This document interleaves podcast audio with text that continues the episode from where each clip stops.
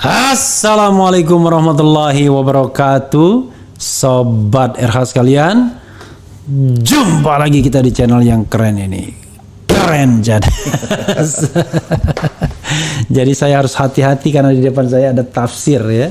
Tafsir Al-Quran. Karena itu tidak boleh kenceng-kenceng. Jangan sampai jatuh. Tapi nggak akan jatuh karena dia uh, lumayan tebal.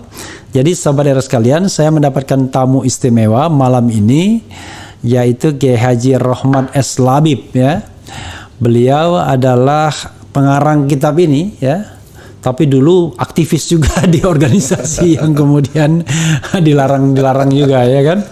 Oke, okay, namanya Tafsir Al-Wa'i ya. Apa, iya. istri as, apa is, apa artinya ini? Ini juz ama ya. Iya betul. Jadi saudara sekalian kita kenalan dulu. Assalamualaikum warahmatullahi wabarakatuh Ustaz. Waalaikumsalam. Oh, okay. Wah cincinnya itu, itu cincin apa teh? Uh, apa ini? Kecubung apa? Kecubung. Uh, apa ya? Tidak tahu saya. Uh, ini apa namanya? Oh apa? Pokoknya zaman batu lah ya. Yeah, yeah. Pas zaman batu itu mendapatkannya. Dulu waktu zaman batu kita sering mendapatkan batu cincin. Yeah. Semua orang uh, gosok batu cincin ya untuk apa? Untuk menghilangkan kepenatan hidup. Jadi Ustaz, uh, ini the time to learn ya, uh, waktu untuk belajar. Jadi saya tahu sobat era sekalian uh, barangkali sedang menunggu-nunggu perkembangan kasus brigadir J ya kan. Yeah. Tetapi ya di utak-atik utak-atik perkembangannya baru itu-itu aja ya. Bahwa lokus deliktinya sudah dipastikan sekitar ya rumah uh, Irjen Verdi Sambo yang di Duren 3. Kemudian uh, beberapa satu jam sebelumnya Brigadir J dalam keadaan sehat walafiat.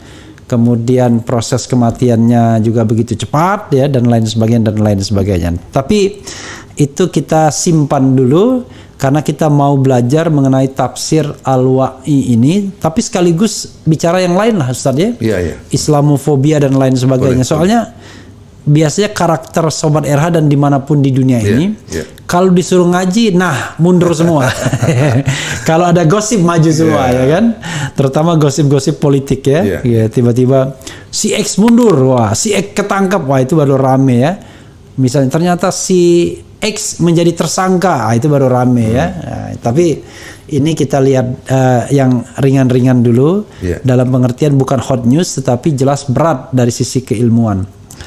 Uh, Ustadz, saya tanya ya, ini apa tafsir? Jadi saudara sekalian, kemarin itu kan saya di di ano dikasih buku satu jilid sebenarnya ya, yeah, yeah. jilid ketiga. Tapi buku ini ternyata empat jilid. Yeah. Nah yang datang ke sini baru tiga jilid. Jadi ada kewajiban untuk jilid yang lainnya ya. Jadi ini namanya tafsir al-wa'i, juz ama. Jadi empat jilid ini baru juz 30 ya? Iya, juz 30. Jadi juz ama saja, bayangkan juz ama saja bukunya sudah segini banyak. Ya kayak kayak tafsirnya Buya Hamka apa yang terkenal? Al-Azhar. Al-Azhar ya kan tafsirnya Buya Hamka. Tapi ini tafsir Al-Azhar uh, al-wa'i. Iya. Oke, okay, uh, eh, mungkin bisa dijelaskan apa yang dimaksud dengan tafsir al-wa'i itu, uh, Ustaz? Iya, sebenarnya yang pertama tentang uh, maknanya ya. Yeah. Al-wa'yu. Yeah. dalam bahasa Arab dulu wa'ayai wa'yun, wa'yan. Hmm. Uh, dua ini sebenarnya satu kata yang mengandung dua hal, yeah. yakni al-fahmu hmm. wal khifdu. Jadi orang memahami dan orang mengingat.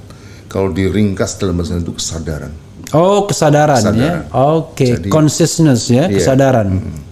Tapi Ustaz tadi ada saya yang lupa ya karena ini mengalir begitu saja.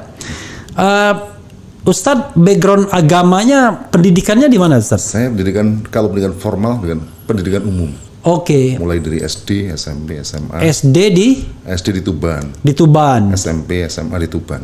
S Tuban, Tuban. ya. Oh, Tuban. Jawa Timur. Tergant uh, dulu pelabuhan Tuban terkenal tuh zaman uh, kejayaan uh, kerajaan-kerajaan yeah. Islam lah pelabuhan yeah. Tuban. Uh, jadi SD, SMP, SMA di Tuban. Yeah. Kemudian kuliah di kuliah di Surabaya. Di, di IKIP Surabaya. IKIP Surabaya. Yeah. Sekarang sudah jadi universitas. Uh, sudah universitas. Oke. Okay. Surabaya. Jadi itu ada mahasiswa UPI itu, Universitas Pendidikan kalau itu. Oh, padahal IKIP. universitas padahal yeah. IKIP ya. Kemudian uh, S2 S3? S2-nya di IAIN Surabaya. Sekarang Oh. sudah, sudah jadi UIN. Sudah UIN ya. Surabaya. Ya, Universitas Islam Negeri. Jadi jurusan apa di di Sunan Ampel, Ustaz? Sebenarnya jurusan ekonomi Islam. Oh, ekonomi Islam. Ekonomi Islam. Jadi Tapi kok uh, bisa menafsir uh, Quran ini gi- gimana jalan ceritanya? Ya, yang pertama kan eh, pendidikan itu kan tidak hanya diperlukan dalam pendidikan formal. Iya. Saya banyak belajar di pendidikan non formal. Oke. Iya. Yang pertama di eh, beberapa tempat belajar, Hmm. eh, baik yang resmi, eh, Iya. misalnya ada dulu untuk belajar bahasa Arab kita pernah belajar di sebuah lembaga pendidikan bahasa Arab. Oke. Lalu kemudian juga kita di beberapa ma'had, eh, apa istilahnya pesantren-pesantren anu, apa? termasuk kita belajar juga ke beberapa eh, ulama dan kiai yang kita datang ke Oke. Misalnya siapa kalau ulama atau kiai yang sempat uh, Ustadz Eh, di antaranya kalau di Surabaya saya pernah belajar kepada Kiai Haji Ihya Ulumuddin. Beliau adalah murid dari eh, Syekh Alwi Al Maliki. Oke. Itu di antaranya. Tapi Bukan kita bukannya itu karya Al Ghazali itu Ihya Ulumuddin. nama nama seseorang. Nama seseorang ya. Ya mungkin Oke. ya, bapaknya terinspirasi dengan kitab. Eh, Kitab Ihya Ulumuddin ya. ada juga banyak eh, ulama-ulama lain yang kita belajar, termasuk juga beberapa dari Timur Tengah akhirnya kita belajar. Oke. Tapi penguasaan bahasa Arab sejak kapan tuh, Ustaz? Ya sejak belajar bahasa Arab, saya di sebenarnya sejak kuliah itulah kita. Sejak belajar. kuliah. Jadi kuliah itu lebih banyak ak- jadi aktivis masjid ya. Iya, eh, jadi Daripada aktivis eh, aktivis ku- universitas ya. Iya, jadi Gitu. di masjid itu di kuliah itu kan di ada masjid masjid kampus. Iya. Saya tinggal di masjid kampus itu. I see. Ya, no wonder jadi ya. Jadi justru belajarnya banyak di situ di masjid kampus. Jadi saudara sekalian beliau ini ternyata lebih muda daripada saya ya kan. Cuma karena Ustadz kelihatannya harus dituakan. karena ada pelihara jenggot juga kan. Oke, se- silakan Ustadz lanjutkan ini eh, apa? eh, sekarang usia 51 tahun ya. Baru aja ulang tahun Juni kemarin ya, tanggal 26 Juni, dua hari sebelum Sandiaga Uno. Tapi saya sudah ingatkan, Presiden Indonesia itu lahirnya rata-rata bulan Juni. Pak Harto, Pak Bung Karno, Jokowi, Habibie kalau tidak salah. Jadi ada empat presiden yang lahirnya bulan Juni, Ustaz. Oke, calon presiden, wakil presiden Sandiaga Uno ya kan. Nah, kemudian tanggal 21 dan ada juga yang 1 Juni, Fadlizon.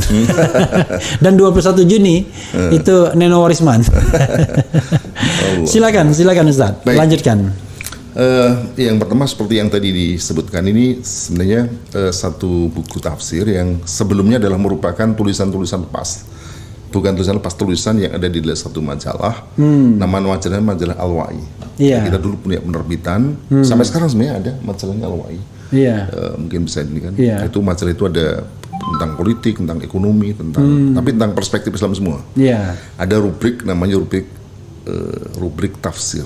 Tafsir. Nah, saya itulah kemudian diminta untuk mengisi di rubrik itu, lalu Ya. kemudian dari situlah saya menulis uh, jadi buku ini. Oh, Meski sudah saya rombak mungkin 200% dari tulisan yang ada, karena Oke. karena di situ kita ada sekitar uh, berapa lima halaman, ini ada ya satu judul bisa sampai 30 halaman. Oh, sih. Jadi eh, berapa edisi di tafsir yang ada di itu sudah saya tulis di situ mulai tahun 2004, sampai sekarang? eh 2006 2006. sampai sekarang.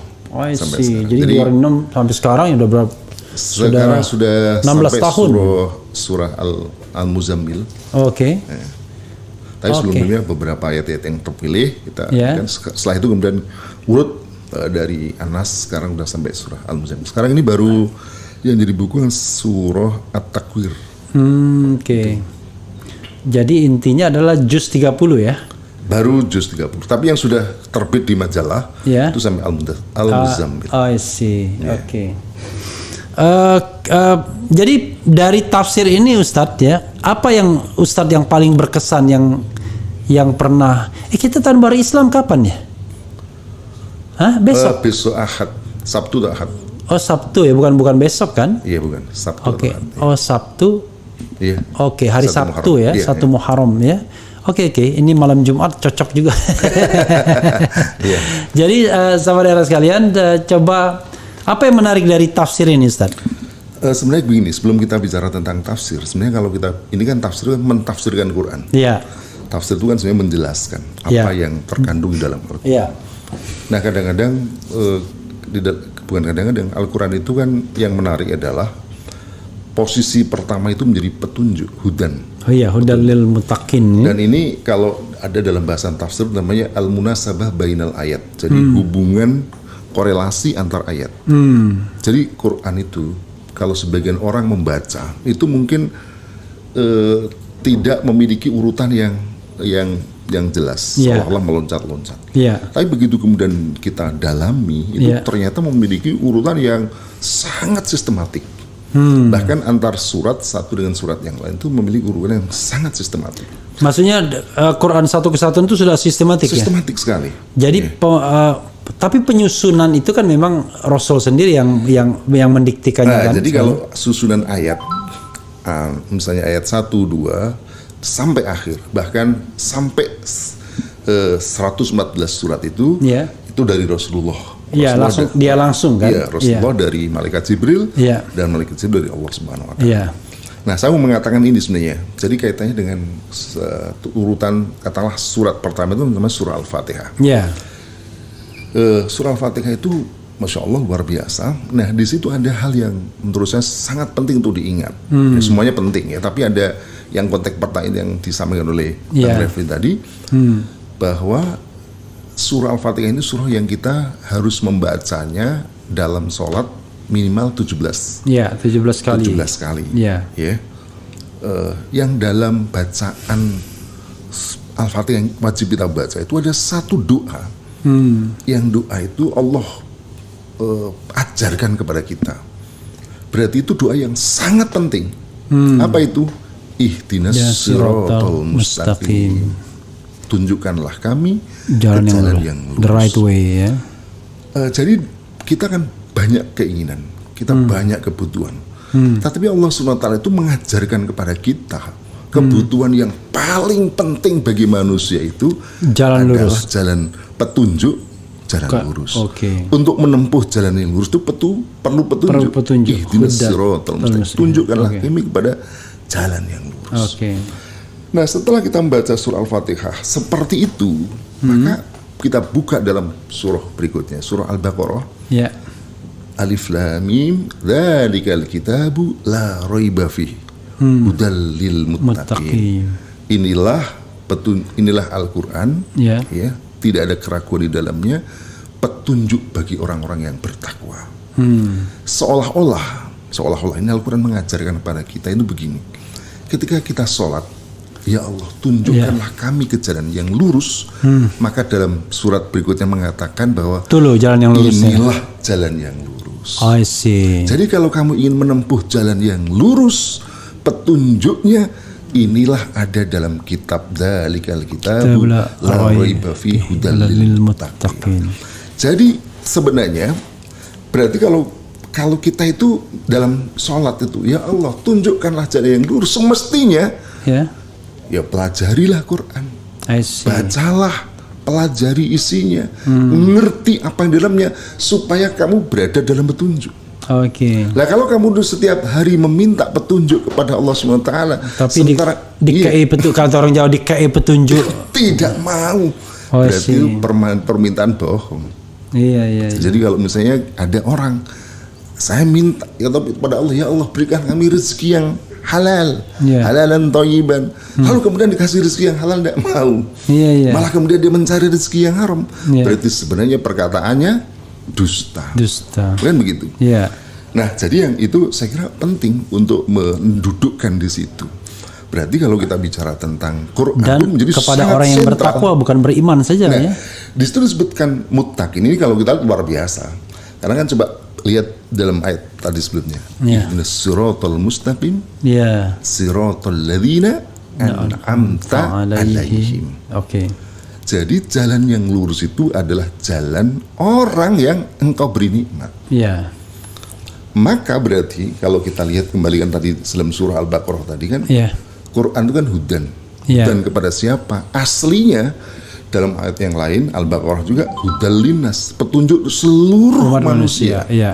Tapi hanya saja di antara seluruh manusia itu hanya ada sebagian yang mau menggunakan Al-Quran sebagai petunjuk. Oke. Mereka itulah al-muttaqin, orang-orang yang bertakwa. Bertakwa. I see.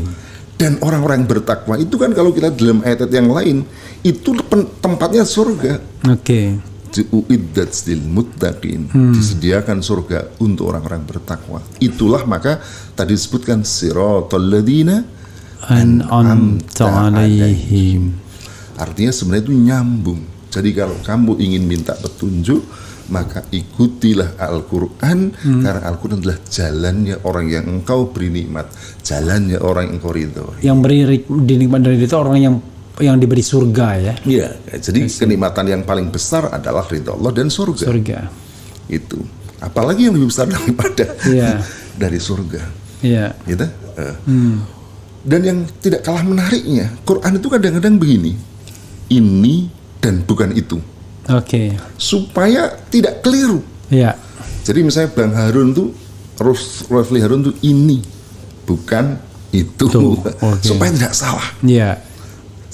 Apa itu jalan yang lurus siratal ladzina an'amta alaihim ghairil maghdubi alaihim waladdallin. Bukan jalan orang yang tersesat dan yang bukan dimurkai. yang dimurkai.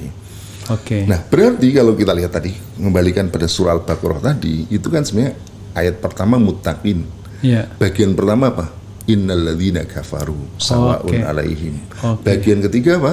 Wa minan nasi may yaqulu amanna billahi bil yawmil akhir wa ma hum bimumin. Iya. Bagian yang pertama adalah orang yang di, diberi nikmat Allah Hmm. SWT an'amta alaihim bagian kedua kafirin dan munafikin adalah orang-orang yang dolin dan maghdubi alaihim maghdubi alaihim yang dimurkai Hmm. dan orang sesat nah tadi eh, eh, masya Allah kalau kita baca Quran itu setiap pilihan kata itu mengandung makna yang luar biasa Hmm.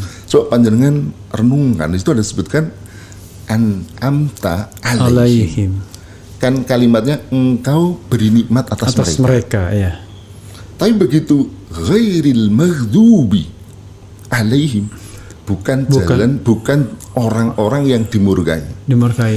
Kalau konsisten dengan kalimatnya harusnya apa? Ghairil ghairil ladina ghadabta alaihim. Hmm. Bukan jalan orang yang engkau murkai. Hmm. Tapi kok kalau orang yang kau beli nikmat, Allah dilibatkan an'amta alaihim. Hmm. Kalau yang sesat tidak digunakan yang or- orang yang dimurkai bukan yang engkau murkai. Enggak, ya. Ya, u- itu untuk menunjukkan bahwa sebenarnya Hmm. bahwa sebenarnya Allah kasih sayang tetap. eh, bahwa bukan begitu bahwa sebenarnya murka yang Allah timpakan kepada mereka itu sebenarnya adalah akibat perbuatan, sendiri. kamu sendiri. Iya, I know. Jadi kalau kamu dimurkai itu bukan karena Allah memang ingin memurkai kamu. Oke. Kamu sendiri yang memilih jalan Untuk- yang mendapatkan murka dari Allah Subhanahu wa taala. Oke. Nah, lagi kalau kita kembalikan tadi yang Jadi kalau ketika memberi nikmat bahasanya aktif. aktif. Tapi Kan amta. Iya, Misalnya kita sholat, iya. Allah berikan pahala. Tapi sebenarnya ketika kita sholat itu kan ada peran, bukan hanya peran kita. Hmm. Kita sholat karena kita sehat, kan kita kita bisa haji karena kita punya uang. Iya. Semua itu diberikan oleh Allah Subhanahu Wa Taala. Hmm. Tapi begitu kamu tidak mau sholat itu berarti kemauanmu sendiri, nggak Hmm. Oke. ada di situ. Iya, iya, iya. Nah itu jadi ini kalau kita lihat bahasa Quran itu istilahnya dalam bahasa Arab itu dakik detail satu Hmm. kata. Inilah yang kemudian saya mencoba untuk mendalami Iya. dalam tafsir ini sehingga kalau tadi Bang Harun sempat singgung di luar tadi mengapa Iya. kok tebel? Ini juga yang saya singgung. Jadi bukan sekedar makna globalnya, tetapi sampai pilihan-pilihan katanya itu Oke. yang nanti eh, kembali lagi tadi menjadi hudan, menjadi petunjuk. Petunjuk. Gitu. Oke, eh, Ustadz, untuk membuat ini ya, tentu kan Ustadz tidak hanya belajar bahasa Arab, Iya, iya, ya kan? tentu saja. Bahasa Arab kan cuma toolsnya doang, Iya, iya. tapi belajar referensi-referensi. Nah, Iya, itu referensi-referensi yang Ustadz pelajari itu dari mana saja? Termasuk um, dari abad keberapa misalnya kalau ada yang yeah. abad yang tua kan itu yang kelebihannya kalau kita bicara kelebihannya uh, Quran dan para penafsirnya itu yeah, kan yeah, yeah. bisa waduh bisa dirujuk sampai zaman Rasul kan kira-kira yeah, begitu. Yeah. Yang pertama uh, Quran itu sebagai satu kesatuan. Iya. Yeah. Uh, apa uh, afala yatadabbarun al-Qur'ana hmm. uh, am benar hmm. Tapi ngomong-ngomong kopi sudah ada ya belum. Oh belum datang. Oke. Okay. Itulah enaknya kalau di uh, apa di YouTube begini. Nah, disebutkan dalam Quran itu laukana min indi ghairillahi hmm. lawajadu fihi ikhtilafan katsir. Yeah. Seandainya Quran itu bukan dari Allah, niscaya kamu akan dapatkan kontradiksi yang sangat banyak. Yeah. Jadi kan mungkin pernah uh, belajar bahwa Quran itu kan turun selama 23 tahun. Iya. Yeah. Kalau manusia bisa nulis 23 tahun, itu mungkin pendapat sekarang dikoreksi besoknya. Yeah. Uh, tool model tulisnya udah berubah. Ya, 20, 23 tahun. Iya, 22 tahun, berapa dua bulan, 22 hari ya. Rasulullah SAW coba kita lihat apa Quran ya. ini berubah bahasanya, ya. konsisten dan satu kesatuan. Oke. Okay. Nah, maka tadi kalau tadi bicara tentang tafsir, maka untuk mem, me, me, memahami Quran hmm. harus memahami ayat satu dengan ayat yang lain. Oke, okay. kaitannya Sehingga, ya. Uh, uh, supaya uh, uh, saling menjelaskan hmm. satu ayat tadi. Nah yang kedua sebenarnya juga penjelasan di Rasulullah. Rasulullah hmm. SAW itu ketika men, uh, apa istilahnya dalam Quran disebutkan wa anzalna ilaikal wa anzalna ilaikal dzikra litubayyana linnasi ma hmm. ilaihim. Jadi kami turunkan adzikra kepadamu agar kamu menjelaskan kepada manusia. Hmm. Kemudian yang ketiga penjelasan dari para sahabat Nabi yeah. dan kemudian para tabi. Nah kalau ditanyakan kitab ini, ini mencoba untuk mengambil itu semua. Oh, okay. Kalau mungkin panjangan bisa buka, panjangan bisa lihat hampir setiap kalimat atau setiap paragraf saya ada referensinya. Ini jilid tiga, eh. kemudian ini jilid dua, tapi besok-besok mungkin perlu digitalisasi, Ustaz. Iya. Karena kalau begini kan susah bawanya kan. Tapi kalau digitalisasi itu nanti kita. bahkan uh, Ustadz bisa masukkan ini ke dalam YouTube misalnya. Hmm. Jadi nanti ketika ada saya misalnya ada Quran, oh sudah saya kasihkan ke anu ya salah seorang hafiz. Jadi tadinya saya mau ini. Jadi dia ada teman buat Quran, ceritanya itu dia di barcode, kemudian bisa langsung terakses di YouTube atau di media sosial. Jadi orang nggak susah gitu ya yeah. misalnya. Okay. Nah, uh, kalau ini boleh dibuka ya? Boleh, silakan. Ini kan sudah diberikan. Oke, okay. alhamdulillah, rabbil alamin. Masya Allah.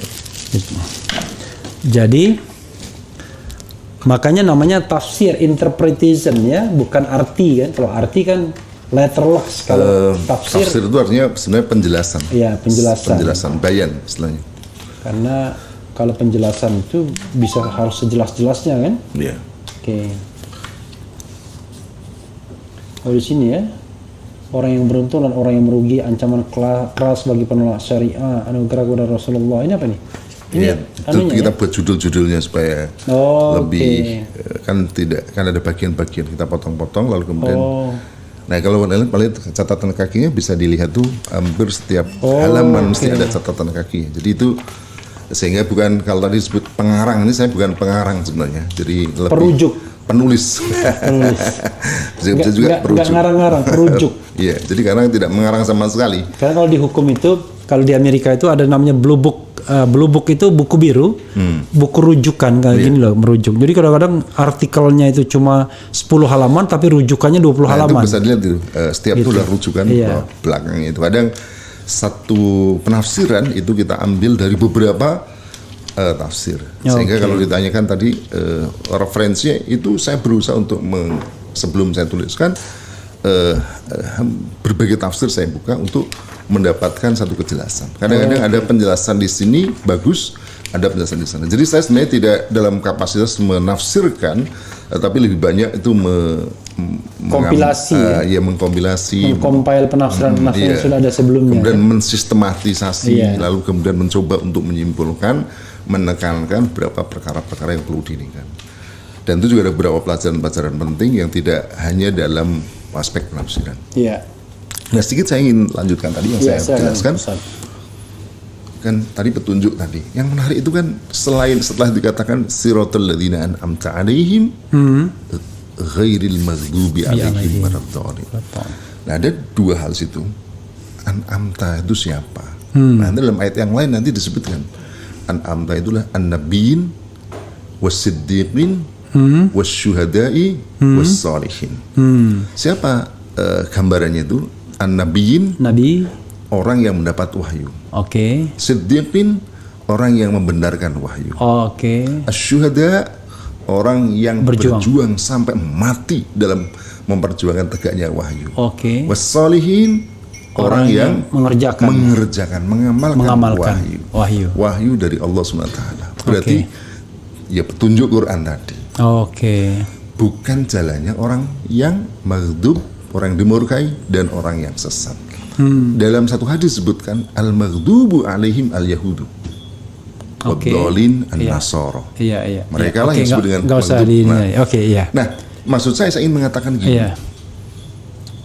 Kalau kita kembali Quran sebagai petunjuk tadi. Iya. Quran ini kan isinya hmm. bukan hanya tentang ibadah. Iya, iya, iya. Dalam Quran itu tibyana likulli menjelaskan segala sesuatu. Hmm. Misalnya kita buka dalam surah Al-Baqarah itu ya. Iya. 178 itu iya. mengatakan Ya ayyuhalladzina amanu kutiba alaikumul siam kutiba alaikumul kisos fil qatl. Oh, kisos. Oke. Okay. Diwajib atas kamu itu kisos yeah. dalam pembunuhan. Yeah. Orang terbunuh. Hmm. 183 Ya ayyuhalladzina amanu kutiba alaikumus siam. Ya. Dua tentang puasa. Ya. Dalam Al-Baqarah juga 216 kutiba alaikumul kital. Diwajibkan atas perang. Oke. Okay.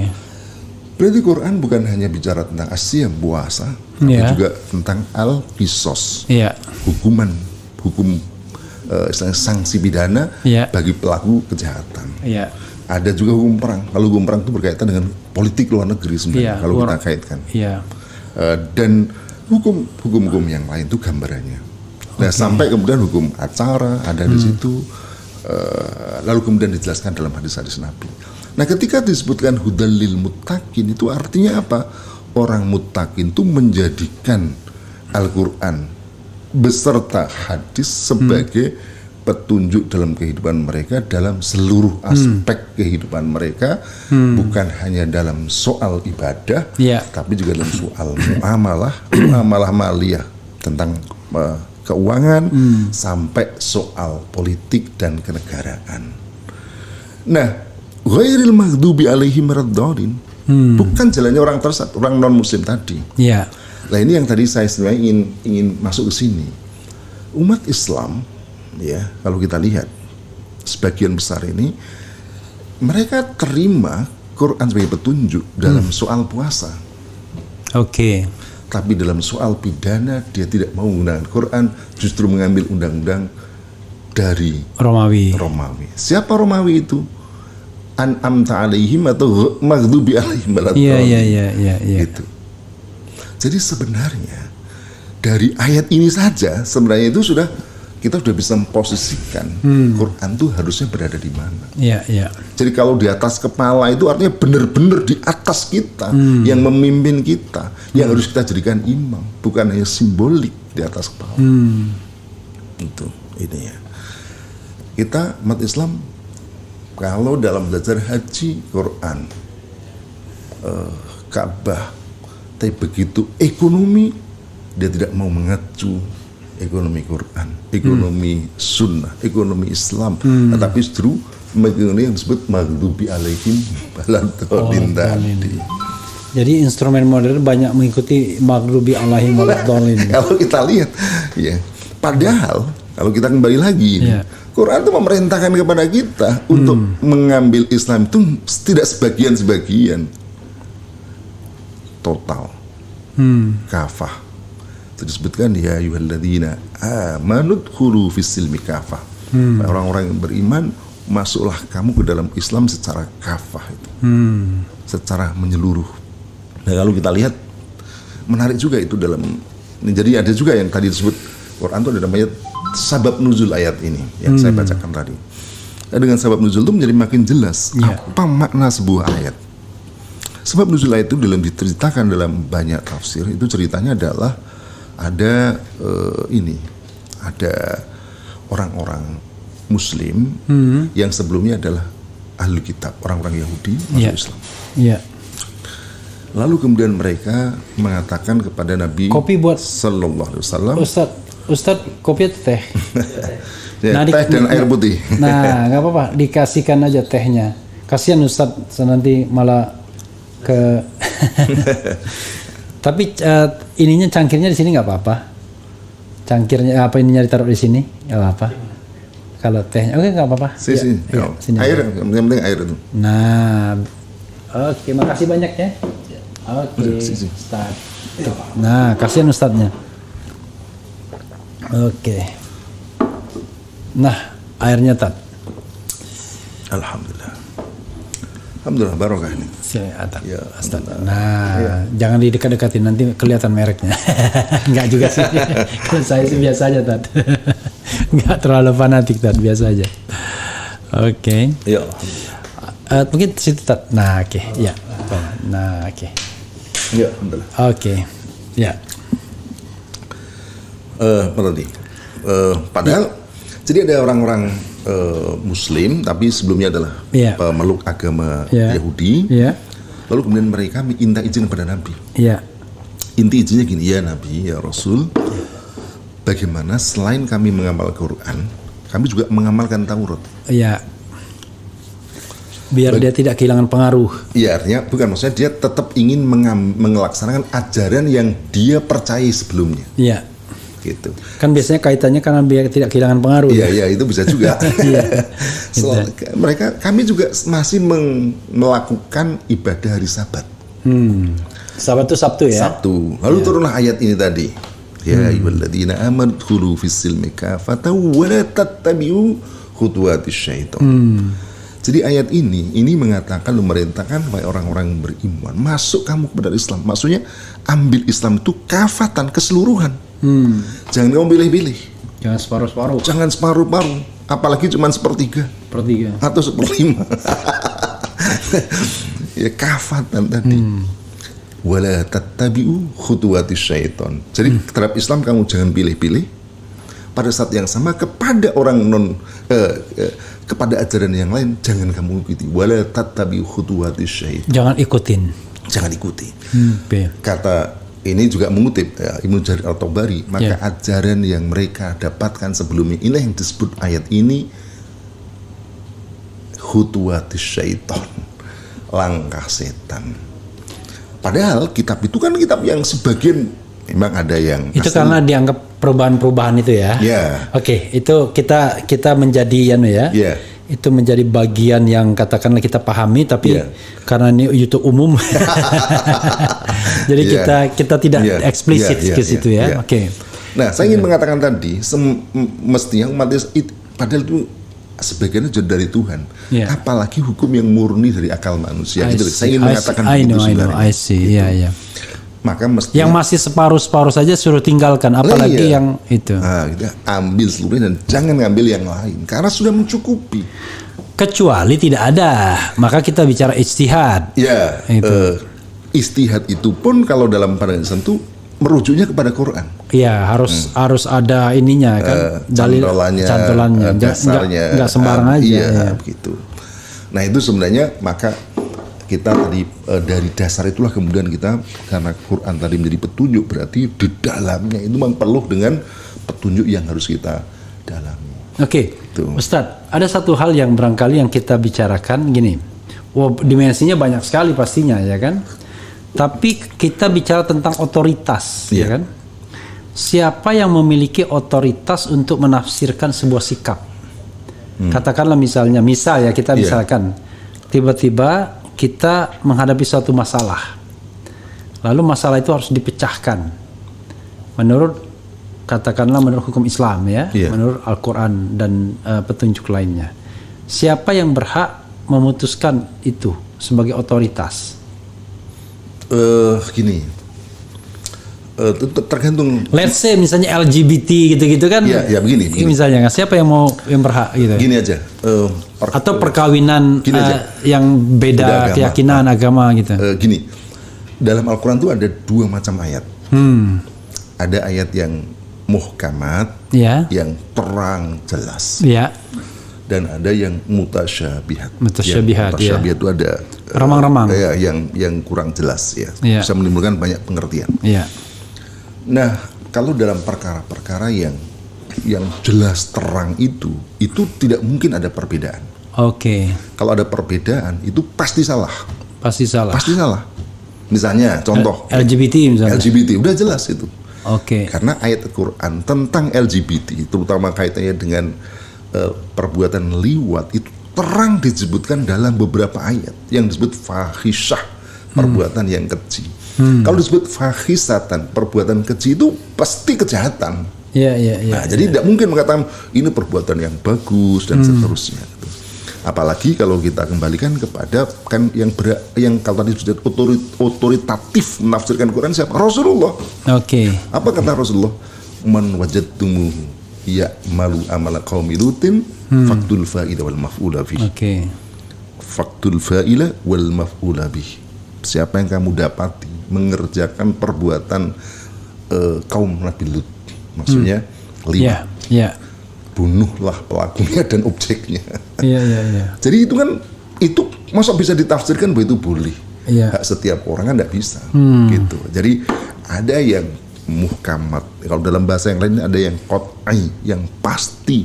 Kot'i. Kot'i, iya. pasti. Ya tidak menurut tidak mungkin kan adanya perbedaan pendapat. Hmm. Gitu. Jadi kalau ada udah pasti nyeleneh dan tidak bisa diterima. Oke. Okay. Gitu uh, apalagi yang disebutkan tadi. Tadi kalau seandainya yang nah, bisa memungkinkan adanya perbedaan pendapat yang mutasyabihat ya, tadi. yang mutasyabihat. Ya, mutasyabihat itu ketika ada perbedaan pendapat.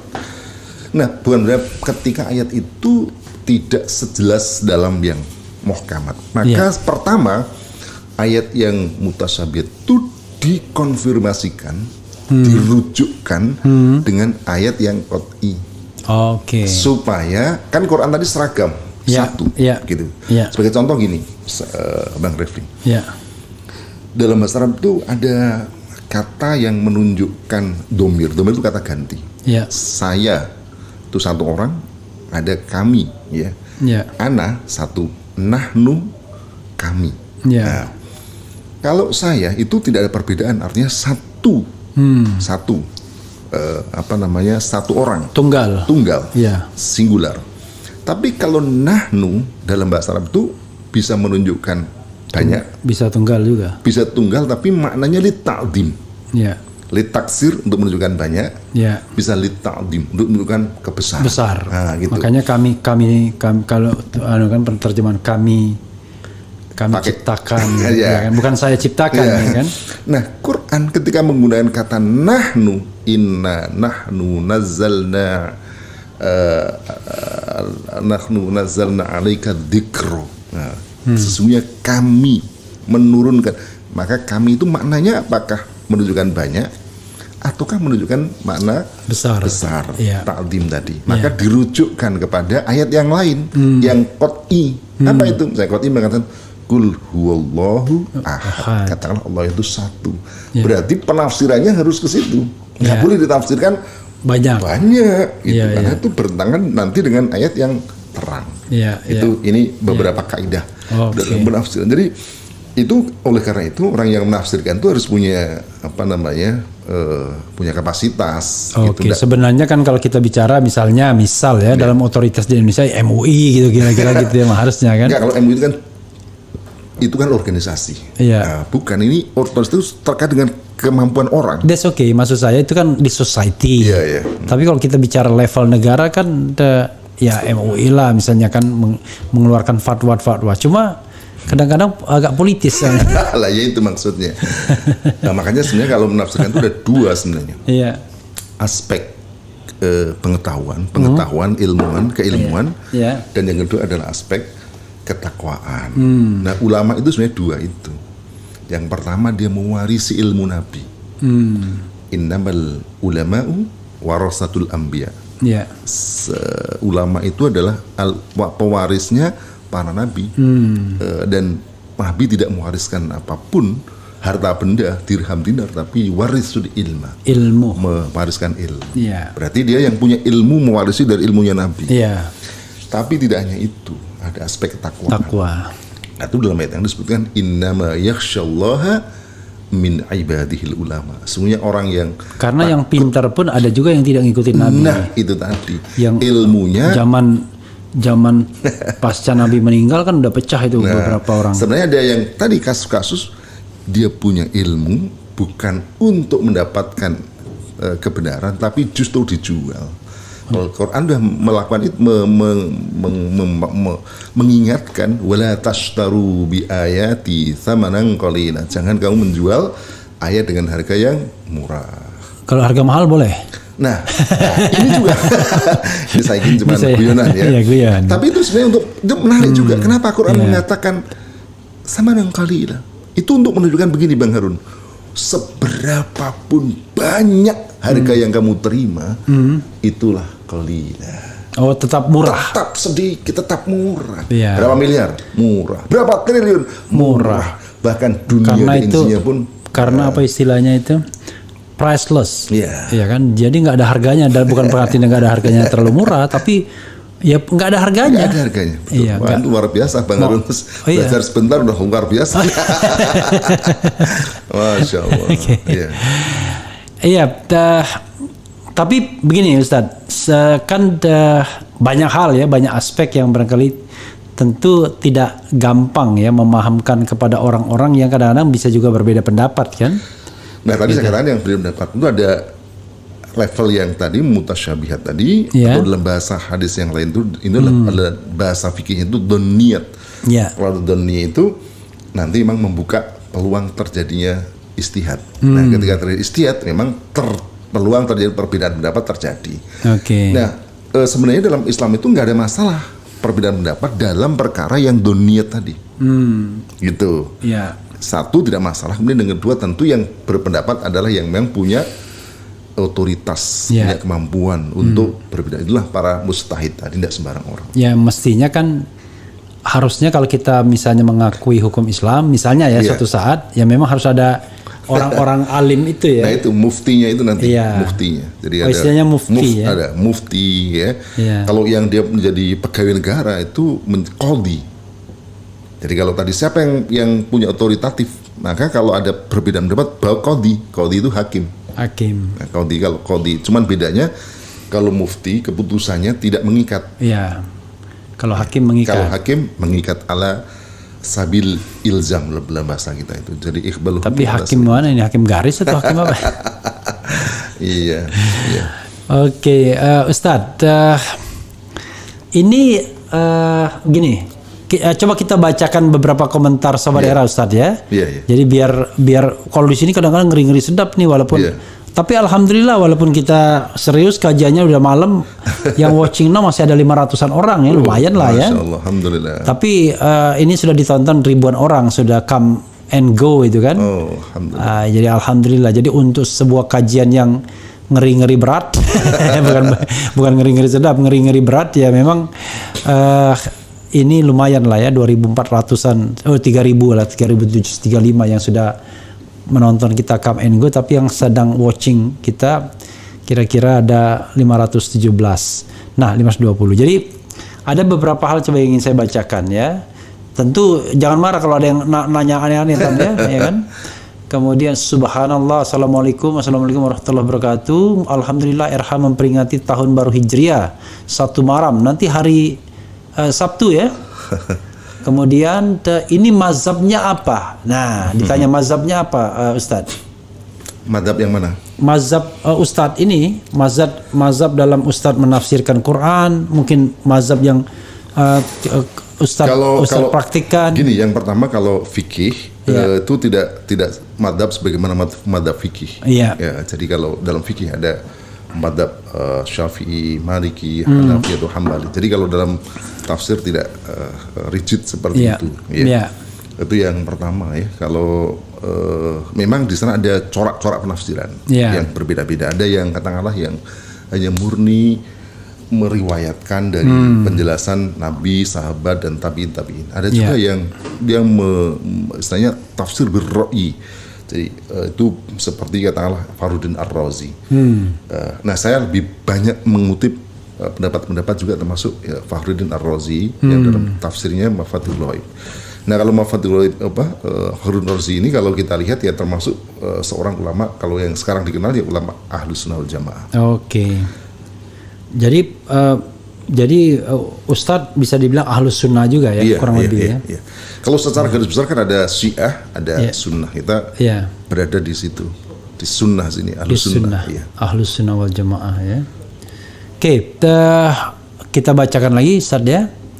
Ada yang bilang gini, teh Assalamualaikum, semangat terus RH, semoga selalu dalam lindungan Allah Subhanahu wa taala. Amin. Alhamdulillah Kota Probolinggo menyimak tentang hukum yang tidak adil Pak Ustadz.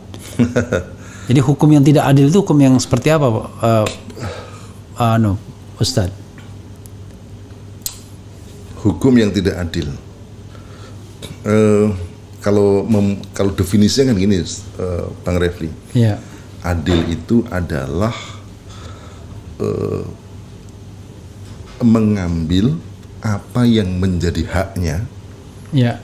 Dan memberikan apa yang menjadi kewajibannya itu okay. namanya adil, ya. gitu. Nah, e, kalau yang dirupakan dalam bentuk fisik ya seperti timbangan itu, itu artinya sepadan. Hmm. E, hukuman itu sepadan dengan perbuatan yang dikerjakan gitu. Okay. Nah, cuman kalau timbangan itu kan fisik ya, uh, apa namanya fisik. Eh, tentu yeah. Ya. uh, kalau fisik itu mudah. Sekarang kalau non fisik itu yang sulit. Hmm. Misalnya mencuri. Yeah. Hubungan apa yang adil? Apakah di penjara?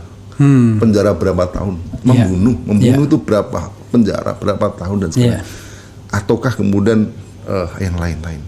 Nah, sebenarnya kalau kita lihat Islam datang dengan itu memberikan keadilan tadi. Yang kalau tadi saya katakan me, e, ketika bicara tentang keadilan secara non fiskal itu kan gimana ngukurnya? Iya, iya. Gitu. Maka Islam datang dengan ukuran yang adil karena kembali lagi tadi hudalinas hudal mutakin. Quran ya. mengatakan apa? E, Quran mengatakan bahwa watammat kalimatu rabbika sidqa hmm. wa adla Sidqa wa adla. Telah sempurna kalimat Tuhanmu. Sidqa. Sidqa itu artinya benar. Hmm. Wa adla dan adil. Hmm. Berarti Quran itu benar. Benar dan adil. Dan adil. Benar beritanya semuanya benar. Dan adil. Dan adil. Maka ketika Quran kata Allah memberikan hukuman kisos bagi hukuman orang yang membunuh, itulah hukum yang adil. Oke. Okay. Gitu. Tidak ada hukuman yang lebih adil daripada itu. Hmm. Gitu. Kalau misalnya ya sekarang kasih. Tapi kisos itu kan tidak harus cambuk Ustaz kan? Enggak, kalau yang bukan pembunuhan tadi, kutiba alikumul kisos. Ya. Uh, hukuman Tuhan atas kamu itu al kisos fil lah bagi orang yang terbunuh orang itu kan hukumannya adalah mat, uh, hukuman kisos ya kisos itu kan metode kan uh, tapi intinya adalah uh, hukuman mati kan ya uh, eh, mata dibalas mata dulu Hammurabi kan ya, maksudnya itu, gini Kan tidak harus dengan cambuk kan metodenya. Oh, bukan, bukan, bukan. Kalau cambuk itu kan cambuk itu zaman dulu bukan, kan. Bukan, kalau cambuk itu hukuman yang lain lagi. Itu untuk pezina. Oke. Okay. Azaniyatu wazani fajlidu. Oke, okay, okay, sorry, sorry, ya, saya gitu. salah. Yeah. Kisos ini kan tidak harus dengan pedang penggal kepala. Oh, enggak. Kan? Itu itu cuma metode, metode kan. Bisa, yeah. bisa. Yang penting kalau dalam Islam itu yang penting cepat dan ikhsan. Iya, cepat. Yeah. Kenapa? Jadi kadang eh, kadang-kadang kan orang melihat penggal kepala itu kejam sekali yeah. ya. Kejamnya dari sudut kita, tapi dari sudut orang yang mau mati itu justru itu cepat. Iya itu satu hal. Tapi orang kemudian hanya ingat imam menggalnya, dipenggalnya saja. Dia tidak ingat bahwa orang yang dipenggal itu telah berbuat jahat pada orang lain. Iya, gitu. Hukuman apa yang pantas bagi orang yang dibunuh? Hmm. Kalau dalam pandangan Islam itu ditanya yang gini, kalau orang ditanya ya, misalnya orang yang dibunuh, yeah. lalu kemudian ditanya anak-anaknya, hukuman apa yang pantas? Mungkin akan mengatakan bunuh. Yeah. Kalau ditanyakan orang lain yang tidak ada kepentingan, mungkin dia bisa dinegosiasi. Iya. Justru hukum yang sekarang ini bermasalah di situ. Hmm. Coba bayangkan kalau dalam pandangan Islam tadi, orang membunuh, hukuman utamanya adalah kisos tapi nanti keluarga bisa memaafkan. Ya. Kalau maafkan, dia bisa menerima dan dia diat sebanyak 100 unta, ya. 40 unta dalam keadaan bunting. satu unta berapa itu? Atau seribu dinar. Kalau di rupiah kan kira-kira berapa? Nah kalau satu dinar itu ya satu dinar itu empat eh, koma dua lima gram emas. Berarti kalau seribu dinar empat kilo seperempat. Nah satu gramnya berapa? 4 kilo seperempat. Iya, Berarti 4 miliar. empat miliar set- seperempatnya. ya? Hah? Oh iya, 4 miliar lebih. Iya, 4 Kalau miliar lebih. Iya. Iya, 4 4 miliar lah. miliar itu diberikan kepada keluarganya. Iya, iya, iya, iya. Mungkin itu bisa berguna bagi anaknya, Hmm. bagi istrinya dan seterusnya. Tapi diat itu bisa dinegosiasikan nggak? Apanya? Bisa Bisa. dinegosiasikan. Kalau misalnya kemudian dia tidak mampu, Iya. lalu kemudian keluarganya mengikhlaskan, boleh juga. Tanpa diat pun bisa. Bisa. Kalau dia memaafkan. Asal ikhlas. Iya. Kan itu hak dia. Iya. Gitu. Nah, coba bandingkan dengan hukum yang sekarang sekarang terjadi. Iya. Orang dibunuh, kemudian ada keluarga. Keluarganya ini dia hanya melaporkan, dia tidak berhak menuntut. Iya. Yang menuntut siapa? Jaksa. Iya. Jaksa. Tidak ada hubungan sama sekali emosional sekali. Iya. Tidak ada hubungannya. Iya. Lalu kemudian nuntutnya itu beberapa bulan dan mungkin denda. Hmm. Kalaupun ada denda, itu tidak diberikan pada keluarga korban, dimasuk ke dalam kuas negara. Terus Hmm. keluarga korban dapat apa? Iya, iya, iya. Kehilangan bapak, Iya. misalnya dan seterusnya. Apalagi dalam sistem sekarang, yang siapa yang bertanggung jawab ketika kemudian sudah meninggal tadi? Oke. Ada denda pun tidak banyak masuk ke negara. Iya, iya, iya. Kemudian mungkin dimasukkan ke dalam penjara beberapa bulan, beberapa tahun di sana. Pertanyaannya, apakah lebih baik setelah dimasuk penjara? Iya. Belum tentu juga. Maka Quran itu dengan kalimat pendek mengatakan walakum fil kisosi ya udil albabi la'allakum tattaqun. Dan untuk kamu ada hukuman dan untuk la- walakum fil kisos dan untuk kamu dalam hukuman kisos itu hayatun justru ada kehidupan. Kenapa ada kehidupan? Para ulama mengatakan kalau hukum kisos itu diterapkan, diundangkan maksudnya, diundangkan, maka mengakibatkan apa? Orang Orang yang mau membunuh takut membunuh. Tak prevention ini. Iya, ketika membunuh dia takut. Apa yang terjadi? Kurang lah. Iya, yang terbunuh nggak jadi dibunuh. Iya, Berarti kurang. orang yang dibunuh hidup, nggak jadi dibunuh. Iya, prevention, Iya prevention. betul. Dan ketika dia tidak jadi membunuh, dia juga nggak jadi dibunuh. Iya. Maka hayatun. Jadi masya Allah luar biasa. Apa namanya? Ya, eh, apa namanya? Hukuman yang keras kepada pelaku kejahatan itu. Itu kan seperti dengan seperti kita mengatakan misalnya hukuman mati, Iya. ya kan? Bagi narkoba, Iya. ya kan? Bagi pelaku macam-macam. Hmm. Cuma yang jadi masalah adalah eh, tidak konsisten. ya, itu. Artinya eh, tidak jelas. Hmm. Ada ruang negosiasi karena kasihkan ke sini tidak mati Nah, jadi. itu tadi. Karena masalahnya itu yang pertama, hukum yang digunakan itu bukan dari Allah. Iya. Eh, dan seolah-olah hakim itu hanya pertanggungjawabannya di depan manusia. Hmm. Kan dia menerapkan hukum manusia. Iya, iya. Paling bertanggung jawab dengan atasannya. Iya. Ada penilaian apa tim hakim apa itu ya, macam-macam untuk Iya, menilai iya. itu ya. Tapi kalau dalam Islam kan dia bertanggung jawab kepada Allah. Hmm. Gitu. Dan sebenarnya mau hakim mengundang nanti ditanya. Jadi gini, coba bayangkan Bang, Bang, Bang Refli gini. Kalau ada hakim menggunakan hukum Allah, ada pelaku pembunuhan sengaja, lalu kemudian dihukum mati. Ditanya Allah, wahai hakim, wahai si fulan, kamu kok memutuskan hukuman ini hukuman mati? Mengapa kamu lakukan? Dengan enteng dia bisa, ya Allah, bukankah itu hukum yang engkau perintahkan? Dan aku sudah terapkan pahala. Tapi kalau kemudian menggunakan hukum yang lain, kok kamu hukum dia cuma sekian tahun penjara atas dasar apa? Coba apa jawabnya? Engkau perintahkan, mana merintahkan? eh, Tapi ya sekarang di dunia ini eh, kadang-kadang ketidakadilan nyata ya. Hukum dunia aja Iya. itu eh, apa kadang-kadang tidak diterapkan secara benar juga gitu ya. hmm, iya. Apalagi hukum yang lebih Karena satu tadi, jadi nggak ada kalau dalam bahasa kita nilai ruhiyahnya itu nggak ada. Jadi ketika kan kalau panjenengan sedang berhubungan dengan Allah itu kan ibaratnya gini, Bang Harun. ya Panjenengan sholat, ya, meski tidak ada orang sholat maghrib itu nggak berani menambah menjadi empat rakaat, betul nggak?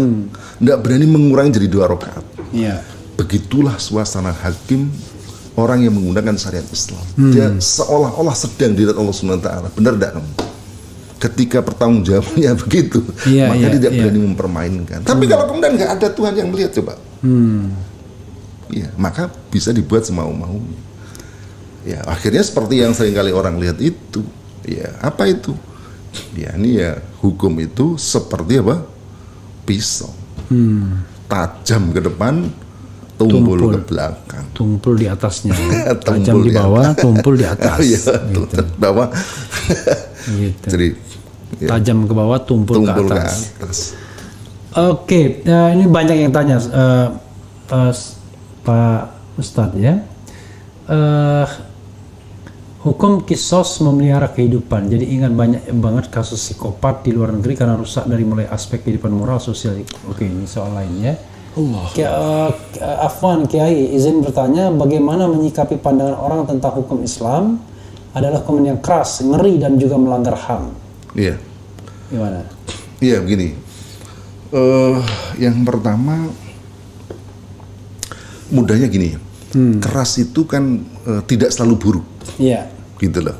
Iya. Uh, kadang-kadang keras itu diperlukan. Iya. Uh, seorang dokter mengobati pasien kadang cukup kamu jangan makan ini, jangan minum itu, selesai. hmm. Kadang-kadang harus diberi obat, kamu minum yeah. obat sekian dan seterusnya. Tapi kadang-kadang apa? Harus dioperasi. Iya. Yeah. Harus dibedel. Bahkan kemudian di, ada yang bagian yang diamputasi hmm. sebagai bagian dari penyelamatan tubuh secara keseluruhan. Yeah. Jadi kalau di, menggunakan pandangan tadi ini kok dokter nggak manusiawi, kaki bagus-bagus amputasi misalnya seperti yeah. itu. Jadi maka maksud saya jangan dilihat eh, keras tuh tidaknya tapi hmm. benar apa tidak baik apa tidak dan juga kan ada ins, ada institusi pemaafan tadi kan yeah, yeah. jadi tidak hanya langsung main yeah. gitu ya yeah. Yeah. tapi kalau misalnya mencuri nggak ada memaafkan ya nggak ada itu kalau oh. dalam bahasa itu ada kalau hukum Islam itu ada namanya hudud ada namanya jinayat yeah. kalau jinayat seperti apa kisos yeah. itu ada pemaafan yeah. dari keluarga yeah. yang berhak. Tapi kalau hudud itu namanya haknya Allah. Okay. Nggak boleh ada yang bisa maafkan. Oke. Okay. Pencuri termasuk hudud. Even uh, katanya Fatimah sekalipun akan yeah. aku potong tangannya. Itu, hmm, itu namanya okay. hudud. Ustadz, tidak terasa kita sudah satu jam. Biasanya kalau di RH Channel kalau hmm. uh, satu jam itu udah luar biasa. Tapi sebelum uh, Ustadz nanti mungkin uh, besok-besok kita akan ada sesi lain juga ya yang yeah. kalau misalnya ada interest Ustadz karena ini ada juga permintaan waduh kalau bisa malam Jumat begini ya oke okay lah tapi uh, ikutin jangan cuma ngomong doang kan di sini ini kan oke okay. uh, mantap terima kasih atas semua pencerahannya Pak Ustadz Alhamdulillah nyimak ya mantap bintang tamunya Bang Refli Barakallahu fiq ya. Bolehkah kita menyebut orang non muslim yang sudah meninggal dengan sebutan almarhum? Nah, ini ini uh, pembahasan cabang. Kenapa? Iya, terus. Ya, ini kan terlalu ini ya, cabang ya. ya. Oke. Okay. Alhamdulillah Bung Erha mengundang Ustadz Ismail dan Ustadz Rahmat uh, S. Labib, cadas abis. Semoga satu juta yang nontonnya. Amin ya Rabbal ya Alamin ya. Yai bagaimana menerapkan Islam kafah di NKRI? Nuhun Bang Refli yang keren, cerdas dan bernas ya. Ah, ini ini pertanyaan terakhir nanti ya, gitu ya. Bang Refli coba tanya ke hukum agama Islam tentang fitnah atau pencemaran nama baik atau berita bohong dan lain-lain. Seperti yang habaib kita yang sudah banyak dihukum. Wah ini lain lagi ya. Uh, channel Bang Refli hebat bisa menghadirkan ulama yang lurus. Alhamdulillah kalau kasus Brigadir J bagaimana solusi Islam tentang hal ini? Oke. Okay. Tapi ini menarik ya. Tapi ya memang uh, uh, misalnya ya uh, Ustadz saya mau tanya Pak Kiai ya. Yeah. Misalnya ada semacam kasus Brigadir J ini. Let's say misalnya eh, tapi sama aja kan itu kan tetap ditemukan iya kan tetap aja iya. kalau memang itu pembunuhan ya, ya tetap saja nanti hukum kisos ya iya. kan mm. oke itu itu udah udah jelas sebenarnya tapi yang paling penting adalah bagaimana memperjuangkan nilai-nilai Islam itu dalam uh, dalam katakanlah NKRI this is the last question yeah, kira-kira yeah. It, in, pokoknya Ustaz tahu lah ini bagian dari perjuangan lah iya, iya. kira-kira yeah, yeah. gitu uh, dan agar itu successful. Iya, yeah, iya. Yeah. Bukan tidak dituduh makar, yeah. tidak dituduh ekstrim, yeah. teroris dan lain sebagainya. Kira-kira yeah. begitu. Uh, yang pertama sebenarnya kan hukum itu kan kalau yang sering disebutkan kesepakatan. Iya. Sepakatan itu ada dua macam. Memang sepakat secara keridoan, ridho sepakat, yang kedua sepakat yang dipaksakan. Iya, iya. Jadi artinya negara menerapkan satu hukum dipaksakan pada rakyatnya, yeah. dianggap sebagai kesepakatan. Yeah. Nah sebenarnya kalau kita bicara itu berarti kan tergantung manusianya. Iya. Ya, ini Quran datang dengan berikan petunjuk. Iya. Ada yang mau, ada yang tidak mau. kan begitu kan? Iya. Nah maka tugas kita sebenarnya adalah memperbanyak orang yang mau. Hmm. Yang tidak mau menjadi mau, yang hmm. sudah mau lebih semangat untuk mau. Iya. Nah kalau kemudian jumlah itu yang tadinya mungkin beberapa orang menjadi banyak, kalau tadi maka disebutkan akhirnya kemudian dengan sukarela ternyata hmm. benar bahwa memang kalau hukum buatan manusia itu akibatnya seperti itu. Yeah. Kalau Allah itu, nah ketika kemudian yang seperti ini tidak mungkin disebut ekstrim, tidak mungkin disebut teroris. Wong mereka sadar sendiri. Nah ini awai. Oke. Okay. Nah maka sebenarnya kalau untuk melakukan perubahan itu jalan yang kita tempuh itu hanya satu, menyebarkan pemahaman, melakukan edukasi, melakukan pembinaan. Nggak ada yang lain. Oke. Okay. Jadi misalnya saya datang ke sini untuk menyampaikan, mungkin ada yang kemudian berubah pikirannya. Oke. Okay. Itu. Ketika berubah pikirannya, itulah sebenarnya berubah sikap. I see. Ketika berubah sikapnya, tentu akan berubah uh, penerimaan terhadap hukum yang diterapkan. Gitu. Orang bisa jadi tidak gini, Ustaz, uh, Bang Revi. Kadang orang menolak itu bukan karena faham secara keseluruhan, hmm. tapi mungkin dia hanya mendapatkan pemahaman yang sedikit Lalu kemudian sedikit itu kemudian digunakan untuk memberikan sikap. Apalagi kemudian digunakan provokasi di pihak lain. Hmm. Ini bayangkan Bang Raffi coba begini. Ini, ini bayangkan aja. Iya. Ada satu kampung. Hmm. Kampung ini belum kenal listrik. Iya. Lalu kemudian ada program kata listrik masuk desa. Iya.